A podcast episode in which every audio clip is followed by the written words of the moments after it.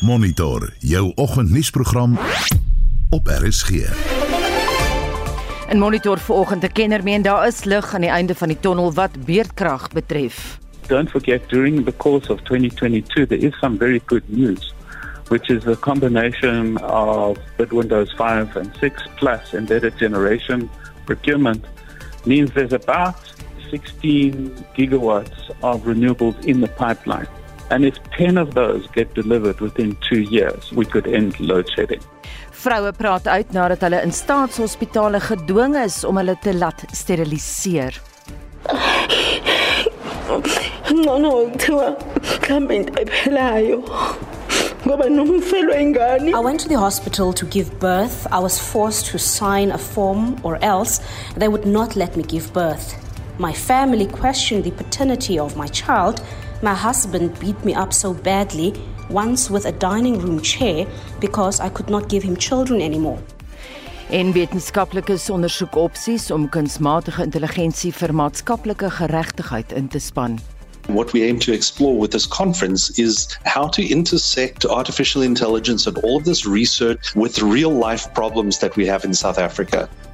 Baie welkom by Monitor die span vanoggend Hendrik Martin, Johan Pieterse en my naam is Anita Visser.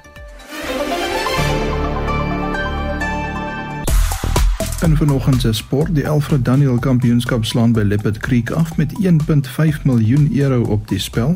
Bangladesh se 4-0 eendagreeks teen Indië en die FIA bevestig ses sogenaamde sprintwedrenne vir die 2023 Formule 1 seisoen. Ek is Shaun Schuster vir RSG Sport. Nou Suid-Afrikaners sit in die donker, maar dit verhoed hulle nie om hulle misnoë oor vlak 6 beurtkrag te betreur nie. Stage 6 en Eskom is die top 2 gonswoorde op Twitter vanoggend. Dan kan sokkerondersteuners steeds nie uitgepraat raak oor die feit dat Marokko Spanje uit die FIFA Sokker Wêreldbeker toernooi geskop het nie. Daar word byvoorbeeld steeds gegons oor hulle besluit om die Palestynse vlag omhoog te hou in hulle oorwinningsfoto na die wedstryd en Janusz Waldus is amptelik vrygelaat op parol dis 9 negende op die lys van besprekingspunte. Nou Kersfees is om die draai en ons wonder watter soort geskenke mense deesdae onder die boom sit. Miskien maak jy jou reg vir 'n groot familiefees, maar dan moet jy sekerlik vir minstens 50 mense geskenke koop of dalk nie. Wat beskou jy as 'n gepaste geskenk? Die tradisionele dasse, sakdoeke of sokkies? Wat is julle familietradisie? En wanneer begin julle bak en brou vir 25 Desember? Laat ons weet stuur 'n SMS na 45889. Onthou dit kos R1.50 50 en praat saam op Monitor en Spectrum se Facebookblad of WhatsApp 'n stemnota na 076 536 6961 076 536 6961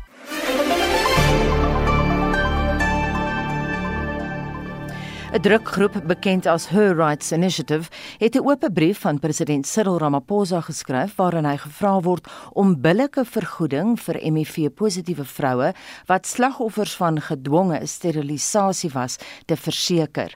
Die brief is by 'n media-konferensie in Sandton voorgeles en volg na 'n verslag deur die kommissie vir geslagsgelykheid wat die gedwonge sterilisasies bevestig. Vincent Mofokeng het meer.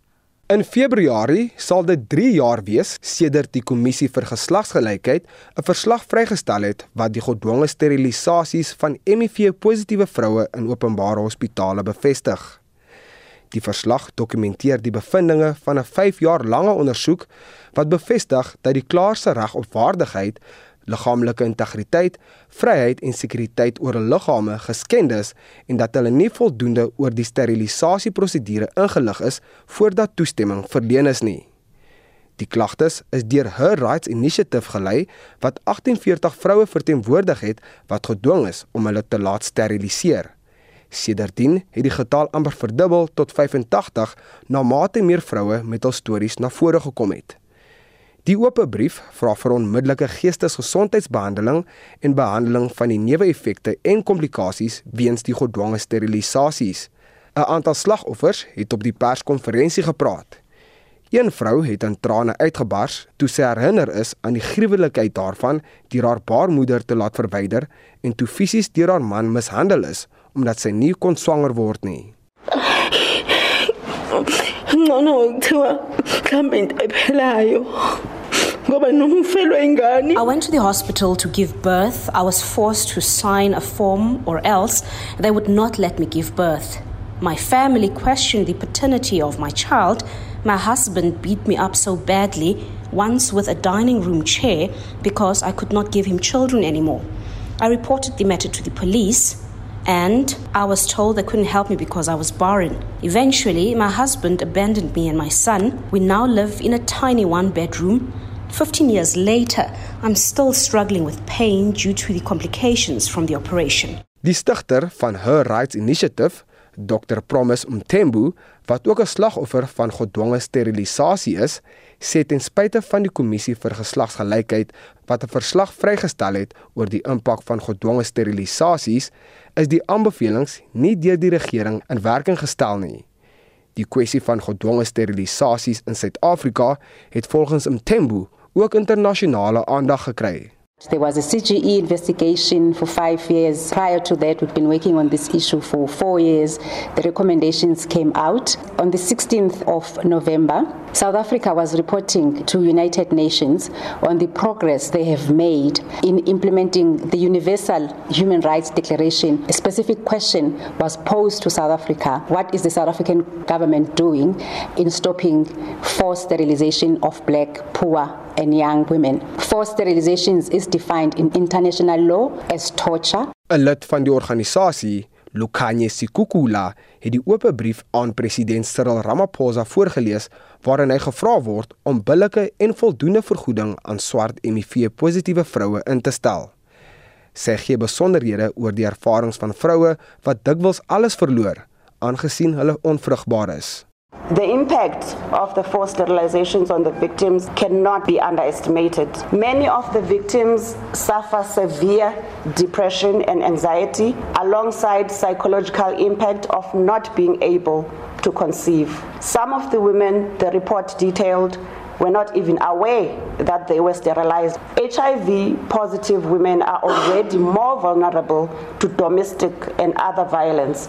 After being sterilized and no longer being able to have children, many were divorced, some had lobola revoked, and others were beaten by their husbands and shunned by their family and community. Sikukula was 20 jaar oud en gelukkig getroud toe sy die akligste beproewing van haar lewe verduur het. Sy is by die hospitaal gesteriliseer toe sy haar baba gaan kraam het. Sy sê sy was verhinder om haar man en haar ma te bel en gedwing om 'n vorm te teken om gesteriliseer te word. Gevolglik het sy haar gesin verloor. The doctor came in, said to me, You know about your HIV status. You people are not allowed to have kids. Because you are going to die and leave orphans behind. I will never forget those words. I had no choice. I signed the form, I was willed into theatre, and that was it. Since then, I can safely say that was the first time I experienced depression. I became suicidal. This is a pain you live with. And eventually, my husband left me. I was ridiculed in the family. Die inisiatief is van plan om die regering en veral die departement van gesondheid aanspreeklik te hou vir die gedwonge sterilisasies wat by gesondheidsfasiliteite regoor die land plaasvind.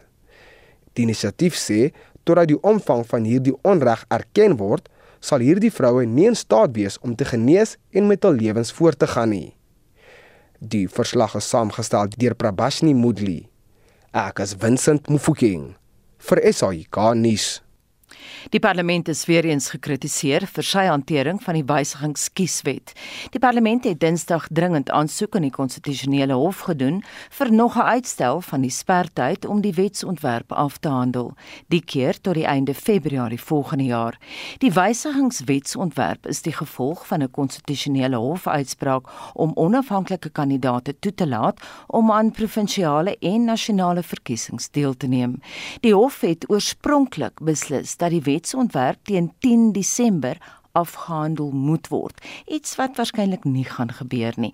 Die parlement wil nog vergaderings hieroor hou. Celine Merrington het die besonderhede. Die veranderinge aan die verkiesingswetsontwerp is al sedert 2020 in die pyplyn. Die wysigingswetsontwerp is eers in Januarie vanjaar voor die parlement gebring met 'n sperdatum van Junie 2020. Uitstel is gevra tot 10 Desember.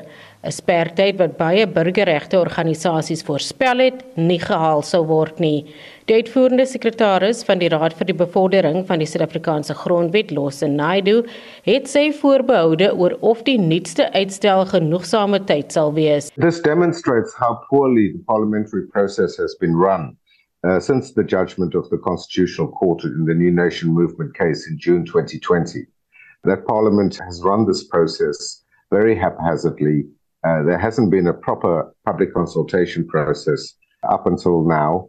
And even now, on the basis of this latest uh, second extension of the deadline to the end of February 2023, given the uh, December holidays, uh, how adequate that time is going to be for proper public participation on some key changes that the National Council of Provinces has made to the draft electoral amendment bill. Die woordvoerder van die Vereniging vir Onafhanklike Kandidate, Michael Louis, sê hulle verwelkom die aansoek vir uitstel omdat hulle ernstig voel oor openbare deelname. We definitely believe that the two amendments were adding to the value of the bill, especially the new section 23 that deals with the electoral panel. I think it was a very constructive new addition to the bill. However, we've got huge queries about the public participation period of the last two and a half years. And also that the submissions that were made by civil society have really not taken note of. And so civil society do believe that there's no trust between parliament and civil society and that the recommendations that we made in any case are ignored. Die parlement se woordvoerder Moloto was nie onmiddellik beskikbaar vir kommentaar nie. Zelene Merrington, Parlement. En ons bly by die storie en praat nou met die politieke ontleder by Noordwes Sakeskool professor Andrei Dievenage. Goeiemôre. Môre Anita. Hoekom eh, die veranderinge? Hoekom sloer dit so Andrei? Uh Anita ons moet onthou in uh Junie 2020 uh het die grondwetlike hof besluit dat die uh, kiesstelsel onkonstitusioneel is en dat hy teen sekere aspekte van die grondwet indruis en dat hy verander moes word en daardie proses is baie swak bestuur deur die parlement. Hulle vra nou vir 'n tweede keer uitstel. Die besluit van die konstitusionele hof was dat dit ongrondwetlik is omdat dit net partye verteenwoordig op die nasionale en provinsiale vlak en dat daar nie ruimte is vir individue nie. Maar dit impliseer redelike verrykende aanpassings aan die kiesstelsel. Jy kan nie maklik daardie bevinding kosmeties verander nie want ons sit met 'n lys proporsionele stelsel waarin partye verteenwoordig word en die probleem met die stelsel is basies dat eh uh, partye nie eintlik en lede spesifiek nie verantwoordbaar is nie dat mag te veel gesentraliseer word binne partye en daar was al sedert die einde van die Nelson Mandela termyn was daar pogings om die kiesstelsel te verander. Ons dink aan die van Sail Slabbert verslag en dan nou moes die parlement hierdie veranderinge bestuur en hulle het dit nie gedoen nie en ek moet eerlik sê hierdie is 'n baie komplekse, baie tegniese saak wat ek dink baie intense debat uh, tot gevolg gaan hê want dit gaan die basiese spelreëls van ons demokrasie raak en die tyd is nou baie kort en ons weet die 2024 verkiesing lê nie te ver nie. Wat dink jy sou wys wees om te doen? Is die sperdatum sê jy nou self Andre is te kort einde Februarie. Wat dink jy moet gedoen word? Ek dink 'n hele paar dinge moet gedoen word. Ek dink hier moet 'n behoorlike proses van konsultasie van stapel gestuur word. Hier moet kundige mense ingebring word om met modelle te werk. In praktyk en ons het van hierdie ontledings by Noordwes Universiteit gedoen. Daar's ten minste 10 plus modelle van kiesstelsels en ons moet een selekteer wat beter funksioneer as die huidige. En ek moet sê die huidige een het belangrike voordele, maar hy het ook tekortkominge. Hierdie sake moet beredeneer word en dit moet in die beste belang van demokrasie en die landsburgers hanteer en aangepas word.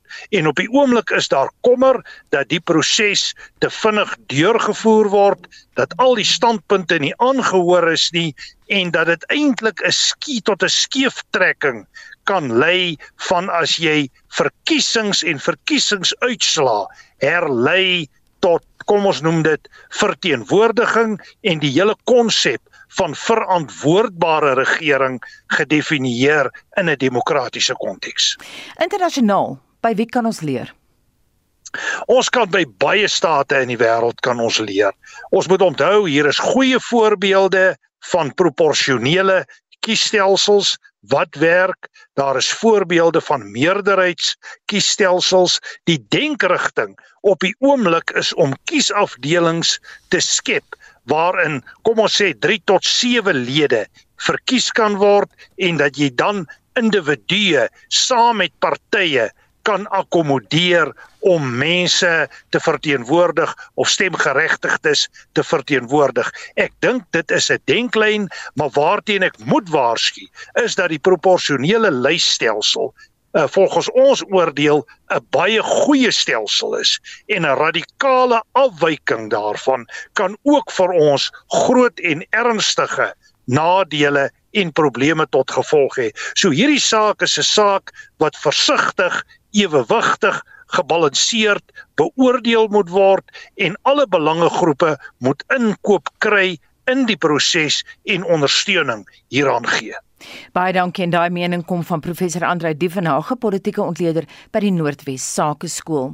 Sonder finansiële hulp van die regering het Eskom geen ander opsie as om tariefverhogings van bo 30% van die energiereguleerder Nersa te vra nie. So glo die energiekenner en lid van die Nasionale Beplanningskommissie professor Mark Schwilling. Hendrik Martin het meer. Schwilling meen die regering moet Eskom se skuld oorneem. From Eskom's point of view, as a business, it has rising costs. The government has not yet come to the party to take over the debt, a portion of the 400 billion outstanding debt which Eskom cannot service. There's declining maintenance, so the energy availability factor is dropping. So if you take all of that into account, ESCOM is saying if you want us to be viable as a business, this is the revenue we need. We're also selling less electricity, so we have to increase the price of what we are selling. It's from ESCOM's point of view, it is justifiable because they need to be financially viable if government doesn't come to the party. Baie mense sal egter nie in staat wees om die skerp verhogings te kan bekostig nie. Weereens 'n situasie waarmee net die regering kan help. There are only two sources of income for Eskom: increasing tariffs or further support from government. There is a third way, which is really about fiscal policy, which is how you support households and maybe even businesses who cannot afford to pay for the electricity that they need, and that's subsidization. But still, that income would come from government ultimately. We're in a very, very serious fix. It's very difficult to see how we're going to come out of it in the short run. 'n Ander kwessie wat onsekerheid veroorsaak, is of president Cyril Ramaphosa se hervorming van die energiesektor sal voortgaan as hy dalk nie meer in sy amp is nie. Well, he has played a major role, especially in his July statement, which was a game changer, which resulted in the National Electricity Crisis Committee being established, which was supposed to be the committee that really drives the reforms that he announced.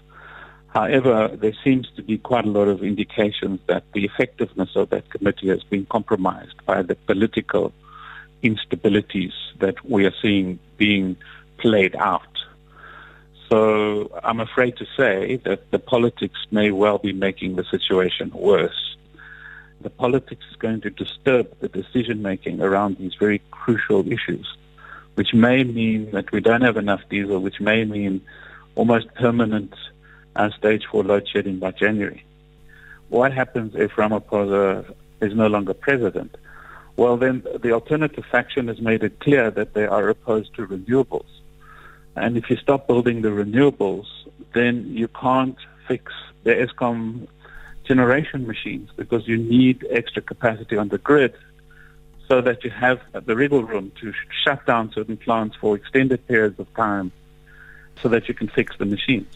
And if you don't build the renewables, you won't be able to do that. So the problem will get worse. Tog meen Swilling daar's 'n kans dat beerdkrag uiteindelik beëindig sal word. Don't forget during the course of 2022 there is some very good news which is a combination of bid windows 5 and 6 plus embedded generation procurement means there's about 16 gigawatts of renewables in the pipeline. And if 10 of those get delivered within two years, we could end load shedding. So things may get worse over the next two years, but if we persist with the renewables program, there's light at the end of the tunnel after two years. Dit was die energiekenner professor Mark Swilling en ook 'n lid van die nasionale beplanningskommissie.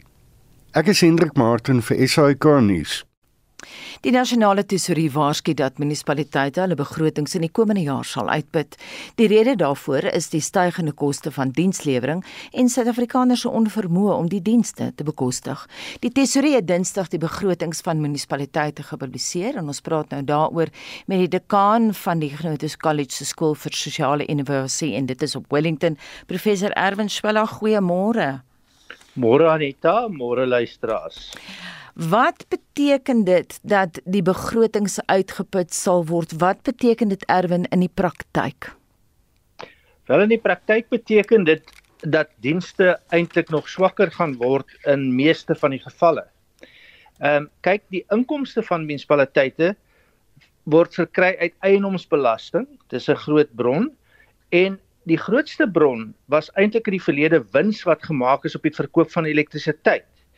En dan het 'n mens natuurlik ook nog hier en daar kleiner dienste wat gelewer word en kleiner belastings.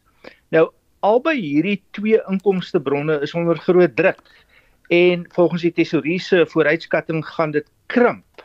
Ehm um, in terme van wat beskikbaar is.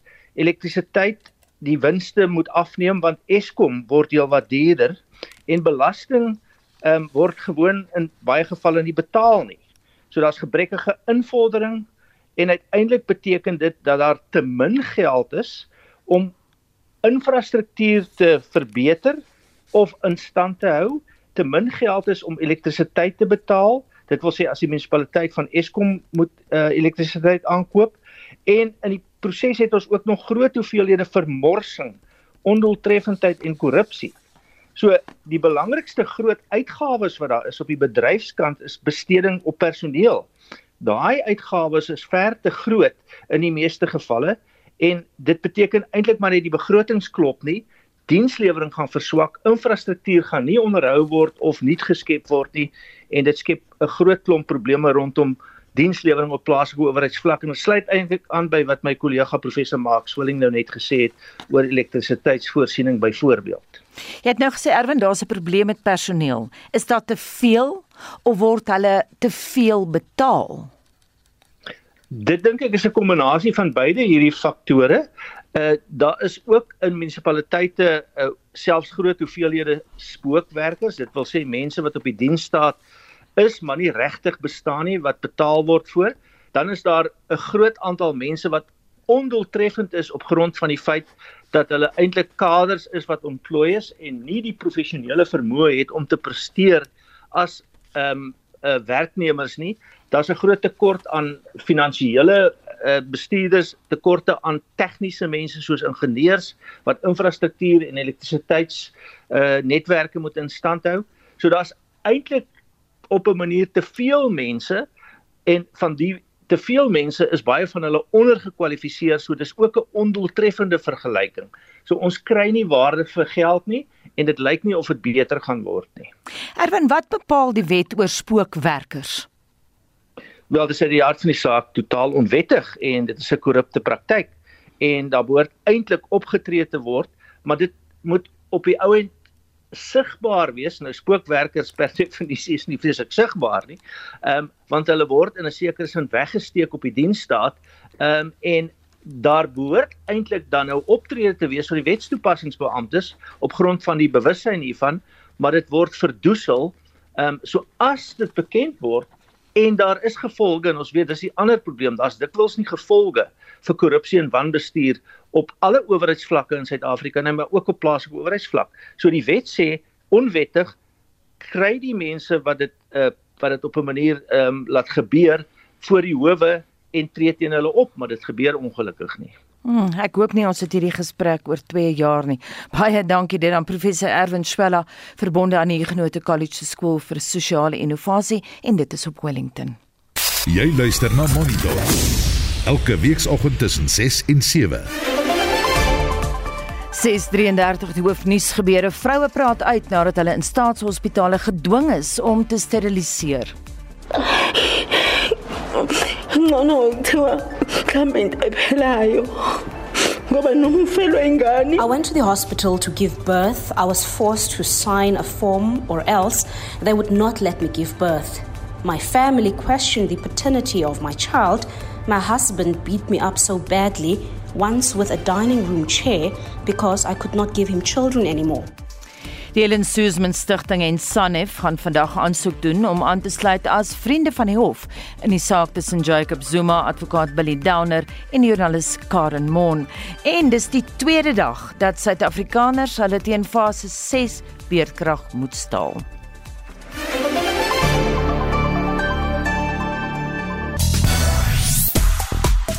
Nou Kersfees is om die draai en ons wonder watter soort geskenke mense deesdae onder die boom sit en hoe benader jy Kersfees en geskenke? Op Facebook laat weet Brendan van Wyk, ek soek 'n kragopwekker asseblief. Ons gaan 'n donker Kersfees hê. Koos gewees skryf, ons as gesin trek loetjies en koop dan 'n geskenk vir die een wie se naam jy getrek het en die waarde daar is die van 'n nuwe boek. Dit is volgens hom die riglyn. Hy sê Kerskouse word uitgehang en dis 'n verrassing wat Kersvader in die kous gaan sit. Dit was ietsie kleins of laf, maar altyd lekker. Maar Anita Elkins sê onder ons boom gaan daar nie geskenke wees nie. Dit was 'n baie moeilike jaar en die jaar wat kom gaan ongelukkig nie beter wees nie tensy daar 'n wonderwerk gebeur, maar ons het nog mekaar, so ons gaan ten minste 'n vleisie braai. Op die SMS lyn laat weet Tosca de Villiers, ek het vir my huis en tuinwerker 'n lig gekoop wat met sonkrag gelaai kan word, wat ook 'n selfoon kan laai. So dis haar geskenk die jaar. Nog iemand skryf, ons het besluit niemand gee meer geld nie, geen geskenke nie. Ons gaan net hamburgers eet vir Kersfees en 'n bietjie roomys.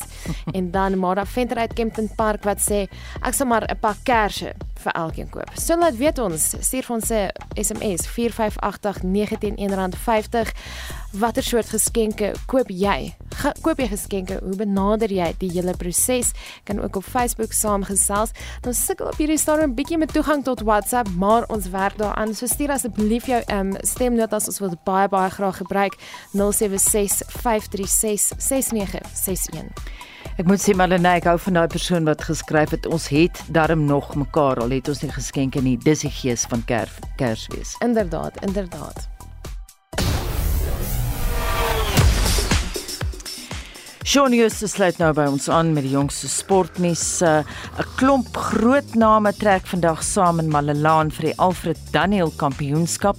Wat kan jy vir ons oor die toernooi vertel?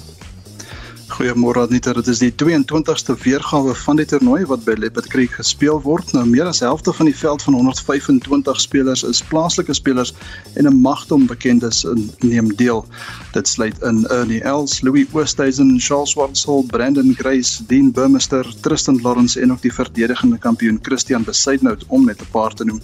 Nou Swartsel het die trofee al 4 keer gelig en totale prysgeld beloop 1.5 miljoen euro. En dan wat gebeur in die tweede toets tussen Australië en die Windies?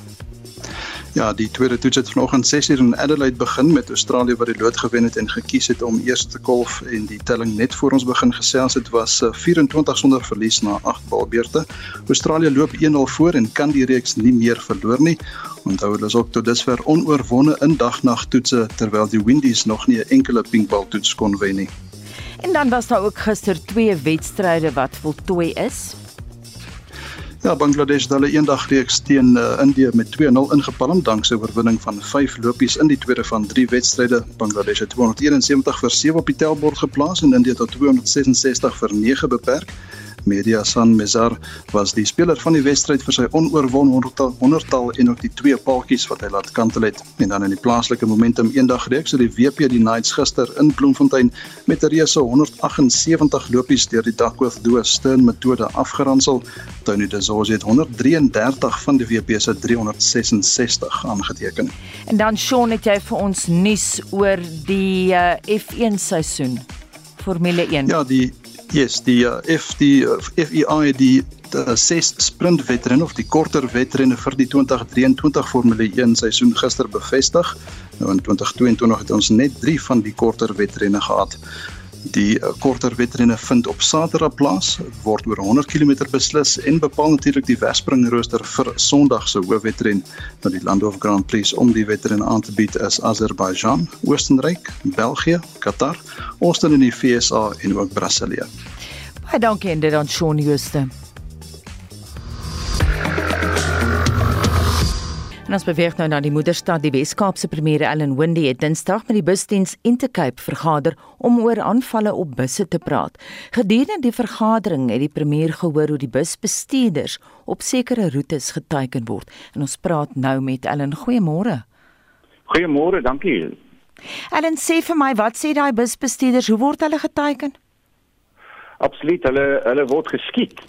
Ehm um, en en dit is uh, dat dat die busmaatskappy nie wil nou ehm um, die die uh, bribes in in wil nie saamgetrek word in 'n stelsel wat uh, nou ek weet nie wat die agterkant word is extortion. Um, en dit is dit is hierdie platant kriminele elemente wat wil probeer om die busmaatskappye te bestuur uh, net soos die taxi maatskappye en uh, hulle hulle sê hulle gaan nie deelneem uh, aan aan sulke prosesse en uh, die bus busdrywers word geskiet uh, hulle word geskiet in die Weskaap maar ook in die Ooskaap en in Gauteng. Mm. Um, en hulle word so gedreig maar al die inligting is al klaar by die polisie oorgegee en, en uh, ek moet sê ek is baie baie teleurgestel dat uh, niks verder gaan nie. Dit uh, mense weet dat dit nou aangaan. Uh maar dit lyk vir my hulle kry nie ehm um, die die polisie aan die gang om te sê luister jy moet jy moet sorg dat hierdie uitgesorg word. Bruikbaar is die naam van die van die leier van die groep wat dit wat dit uh, beheer uh oorgegee aan die polisie maar maar niks gebeur nie. So ons is besig om nou uh te te sien op ons nou van die Weskaapse kant af kan verandering bring. Ek het self uh, nasionaal briewe geskryf na nasionaal om te sê hulle moet inspring mm. en ons moet ook sorg dat ons die mense in die hof kry en en dit uh, vinnig uitsorg. Dit is die begin van daai tyd wanneer uh, mense busse vat om by die huis te kom om by hulle families te kom uh, en die toerisme seisoen is besig om af te skop. Ons kan nie hê dat uh, dat hierdie elemente nou 'n uh, uh, uh, uh, uh, geweer gebruik uh, om om hulle kompetisie uit te sorg. Dit kan nie so werk nie. Ellen, jy het nou na ander provinsies verwys, die Oos-Kaap en Gauteng, maar kom ons fokus op die Wes-Kaap, dis waarvan jy weet. Watter roetes daar is die gevaarlikste? Ehm um, wat gebeur gewoonlik is hulle teiken die busse wanneer die bus terugkom na die na die depo toe.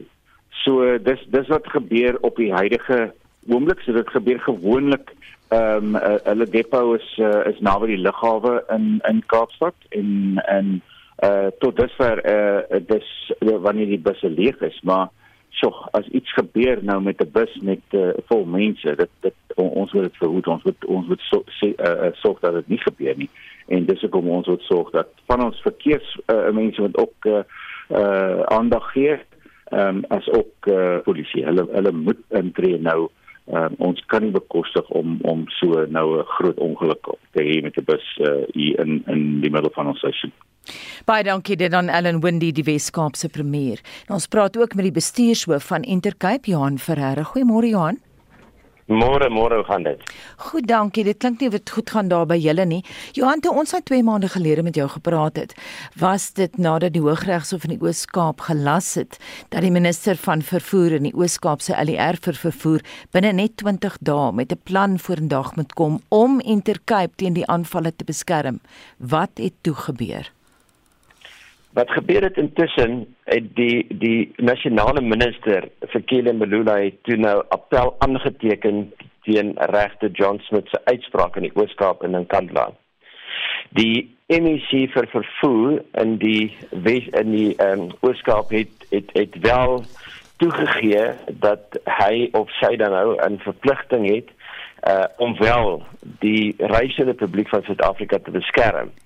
En hulle het in die 20 dae tydperk het hulle 'n plan deurgestuur na my regspan maar dit was regtig 'n afgewaterde plan. Dit was dit was maar net kom ons sê nou maar net hulle hulle net hulle het hulle het 'n halfhartige poging aangewend om 'n plan op die tafel te sit. Dit is glad nie 'n plan wat kan werk nie, soos 'n plan wat ons aanvaar het nie.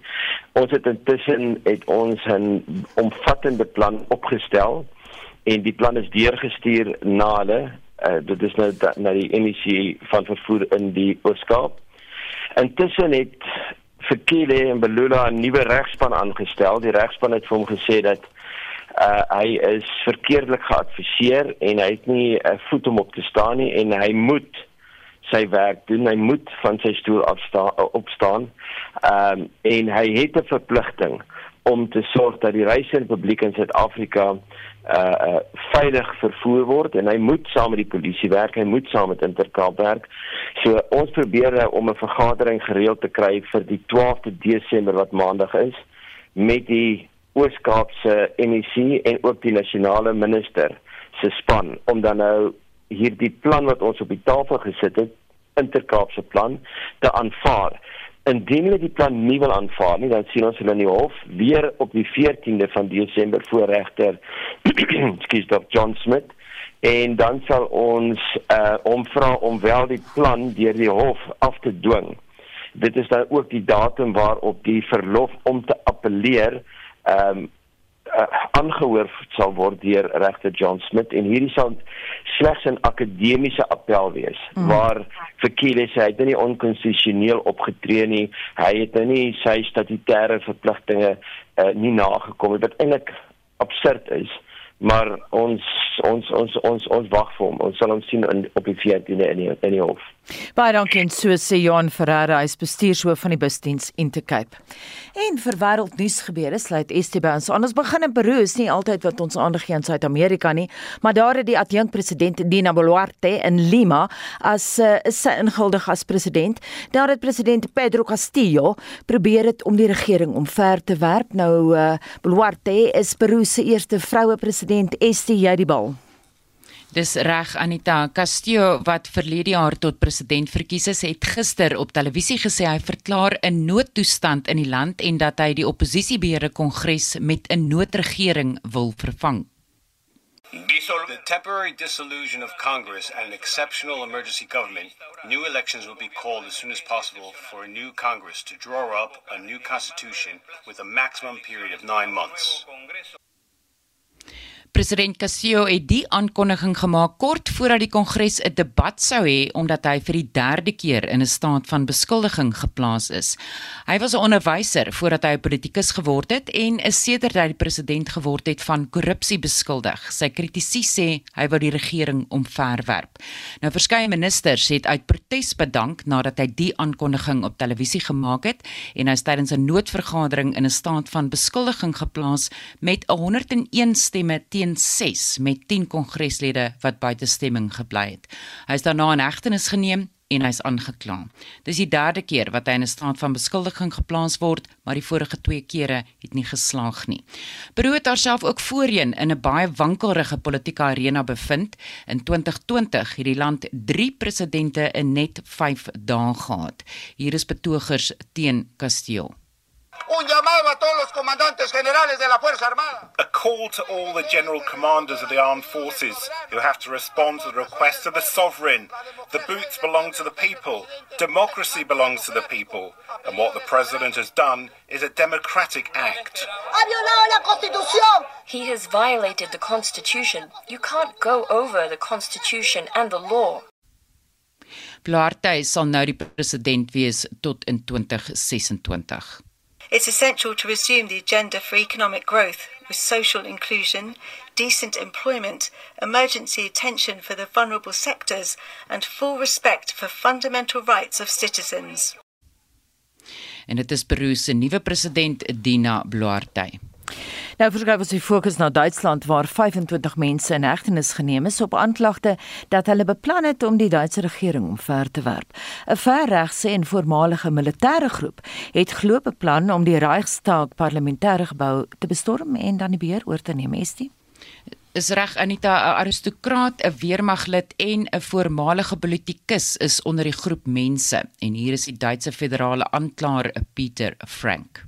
Vereinigung hat sich nach unseren Erkenntnissen According to our findings, the association has set itself the goal of eliminating the existing state order in Germany, the free democratic basic order using force and military means. Die aristokraat, die sogenaamde Henry die 8ste, was een van twee leiers wat die groep um, van die groep en het na bewering reeds 'n kabinet verkies vir 'n nuwe regering. Hulle is deel van 'n beweging wat 'n Reichsburger genoem word wat weier om gesag van die regering te aanvaar en daar word geglo dat daar sowat 21000 lede is wat deel is van die groep en dat 10% van die groep gewelddadig is. En dit was Estie met 'n oorsig van wêreldnuus gebeure. Terugtuis in Suid-Afrika, die Universiteit van Stellenbosch fokus van week op kunsmatige intelligensie en die rol wat dit kan speel om maatskaplike geregtigheid te bevorder, met sy van der Merwe het meer. Die konferensie fokus op vakgebiede soos algoritmiese, simboliese en datagedrewe kunsmatige intelligensie, KI, insluitende onderwerpe soos kwantum kunsmatige intelligensie, diep leer, rekenaarvisie en beeldverwerking en KI inligtingstelsels. Dan ook inter en trans dissiplinêre navorsing in die sosio-tegniese en etiese aspekte van kunsmatige intelligensie. South Africa is particularly strong in this field. What we aim to explore with this conference is how to intersect artificial intelligence and all of this research with real life problems that we have in South Africa. So, the theme of the conference is artificial intelligence for social justice. Die voorsitter van die rekenaardenke vir kunsmatige intelligensie by die skool vir datawetenskap en rekenaardenke aan die Stellenbosch Universiteit, professor Bruce Watson, sê navorsers uit verskillende velde gaan koppe bymekaar sit om maatskaplike geregtigheid te bevorder. We don't pretend that we can solve all of these problems, but the aim is to bring the researchers together that can look at the most modern solutions that use all of the data. And we have a lot of data to come up with potentially innovative solutions to these social justice problems. Die onderliggende doel is om 'n multidissiplinêre benadering uit 10 fakulteite te skep. Elke fakulteit spesialiseer op sy eie vakgebied. The science faculty will be looking at the science issues, the engineers looking at how to build engineering artifacts. Medicine will be looking at this from a very specific human medicine uh, standpoint. What we're doing in the school is cutting across all of the faculties and then we bring together the researchers from all of these disciplines so that for a change we can actually talk to each other as opposed to staying inside our home faculty. Die konferensie poog ook om 'n uitgebreide netwerk van talentvolle studente in kunsmatige intelligensie by Suid-Afrikaanse universiteite en universiteite van tegnologie asook opvoedkundige instellings te vestig. social justice, people who work on very advanced topics like quantum computing, people like me that work on artificial intelligence and application areas, and also some people from cybersecurity. We have all of these people under one roof able to talk to each other about these interesting problems. And sometimes you find a solution in a corner that you didn't expect. Hoe kan kunsmatige intelligensie met maatskaplike geregtigheid versoen word? And looked at the effects of lockdown. South Africa, like any other country, had a lot of side effects that came out of lockdown during COVID. And what we don't really know is how to look at the social justice side effects of that. To what extent did this increase gender based violence or poverty disparity or educational progress? There was an effect, but we don't know precisely what that effect was. And we also don't know how to detect it, correct for it, and get people back on track. Die dringende vraag in die Suid-Afrikaanse ekonomie is hoe noodsaaklik volgehoue kragtoevoer is om kunsmatige intelligensie te bedryf. Watson gee toe dat die beerdkrag sake moeilik maak. Working as a technologist trying to solve these problems is very exciting, but at the same time, you're quite correct that the frustrations from load shedding are enormous. In certain environments, we do have batteries and diesel generators, but we also recognize that those are not long term solutions. And we would love to have stable electricity 24 7 to keep working on these things. In the interim, we then continue to make do with solar and batteries and laptop and so on. Professor Bruce Watson is die voorsitter van die rekenaardenke vir kunsmatige intelligensie in die skool vir datawetenskappe en rekenaardenke aan die Stellenbosch Universiteit. Mitsi van der Merwe, SAK-nuus. Brandbestryders het gister bond gestaan met 3 brande in die Kaapse Wynland distriksmunisipaliteit. Dit behels die een by Brandvlei wat al sedert Dinsdag woed. En ons praat nou met 'n woordvoerder van die munisipaliteit, Joanne Otto. Goeiemôre Joanne. Goeiemôre almal en goeiemôre luisteraars uit 'n pragtige woester vanoggend. Joanne, wat het oornag gebeur? So goed, so ons het eintlik gister 5 brande behartig in die Kaapse Wynland. Ons het um laat gisteraand die brand in Parel wat gisteraand so vyf uur kant ontstaan het um ingekamp en dan was daar natuurlik die drie brande, uh, een in Robertson, een in Ashton en dan um in PR Hamlet en al daai brande is suksesvol ingekamp. En dan het ons natuurlik nou ons groot brand um, in die brandvrye omgewing um buite Woester. Daai brand gee vir ons ongelooflike kopseer. Ons het die um die footprint of die brandlyn baie goed ingetrek in die in die koel nag lig um kon die spanne goeie vordering maak, maar die brand um brand egter in 'n in 'n 'n droë rivierbed. Ehm um, so dis 'n klein valleitjie en dit maak toegang ongelooflik moeilik. So ons kan nie by die brand uitkom nie. Die bemanning sê basies dat hulle die veld bietjie wil brand sodat hulle by die brand kan uitkom. Ehm um, en sodra daar nou 'n areaatjie gebrand het, skep dit 'n tipe van 'n natuurlike brandbaan ehm um, waar die spanne dan onder in die um, plante groei kan inkom. Joanne, hoeveel brandbestryders is op die oomblik betrokke? Ons het op die oomblik twee spanne, grondspanne van 10 manne elk, so 20 en daar's vandag 5 ehm um, voertuie met twee bemanning op, so dit is nog nog uh 10 en as uh, 30 bemanning, maar dit sal deur die loop van die dag ehm um, soos die soos die temperatuur verhoog en ons verwag opvlammings ehm um, so ons verwag ons gaan baie hard werk sal ons wel ehm um, as dit toegelaat word sal ons meer bemanning inkry van ons ander stasies in die distrik. En helikopters? Weet jy, dit is 'n interessante vraag. Indien op die oomblik omdat daai brand in 'n valleitjie brand en dit en daar's baie digte plante groei, veroorsaak dat plante groei half as 'n breël oor waar die brand ehm um, waar die brand nou fisies brand. So dit is moeilik om te sê as die helikopters enigstens effektief gaan wees weet want dit is die helikopters wat die waterbom moet saam met grondspanne werk. So as die grondspan nie kan inkom by die brand nie en die helikopter gooi water, dan is dit eintlik te vergeefs want da, da, die grondspan kan nie inkom om daai water en daai afdamping te kan doen nie. Baie dankie alles sterkte daar dit dan die woordvoerder van die Kaapse Wynland distriksmunisipaliteit Joanne Otto. En die top 3 gonswoorde op Twitter is Eskom Stage 6 en Marokko. Janusz Valus, Chrisani se veroordeelde moordenaar is ook in die top 10. Hy is gister amptelik op parol vrygelaat. En dan het ons 'n bietjie gepraat vandag oor Kersgeskenke en hoe jy dit benader.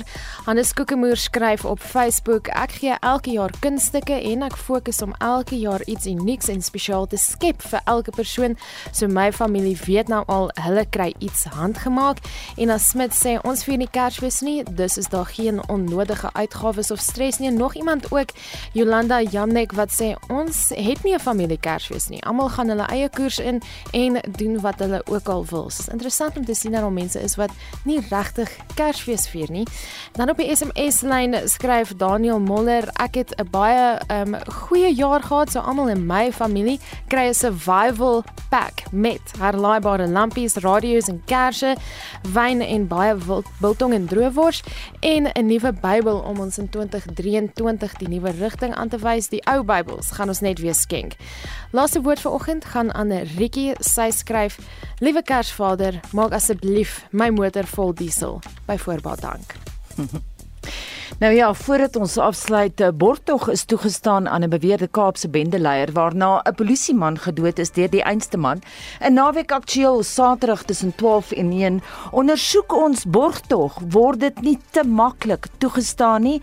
En dan kyk ons ook na die watersituasie in die land. Ons praat met Anthony Turton en dan 'n tweede deel van 'n indiepte onderhoud met Min Shaw nadat ons baie terugvoer gekry het op die eerste deel wat Saterdag wat nou verby is tussen 12 12 en 1 uitgesaai is. Ek bied dit aan luister gerus Saterdag tussen 12 en 1 na Naweek Aktueel.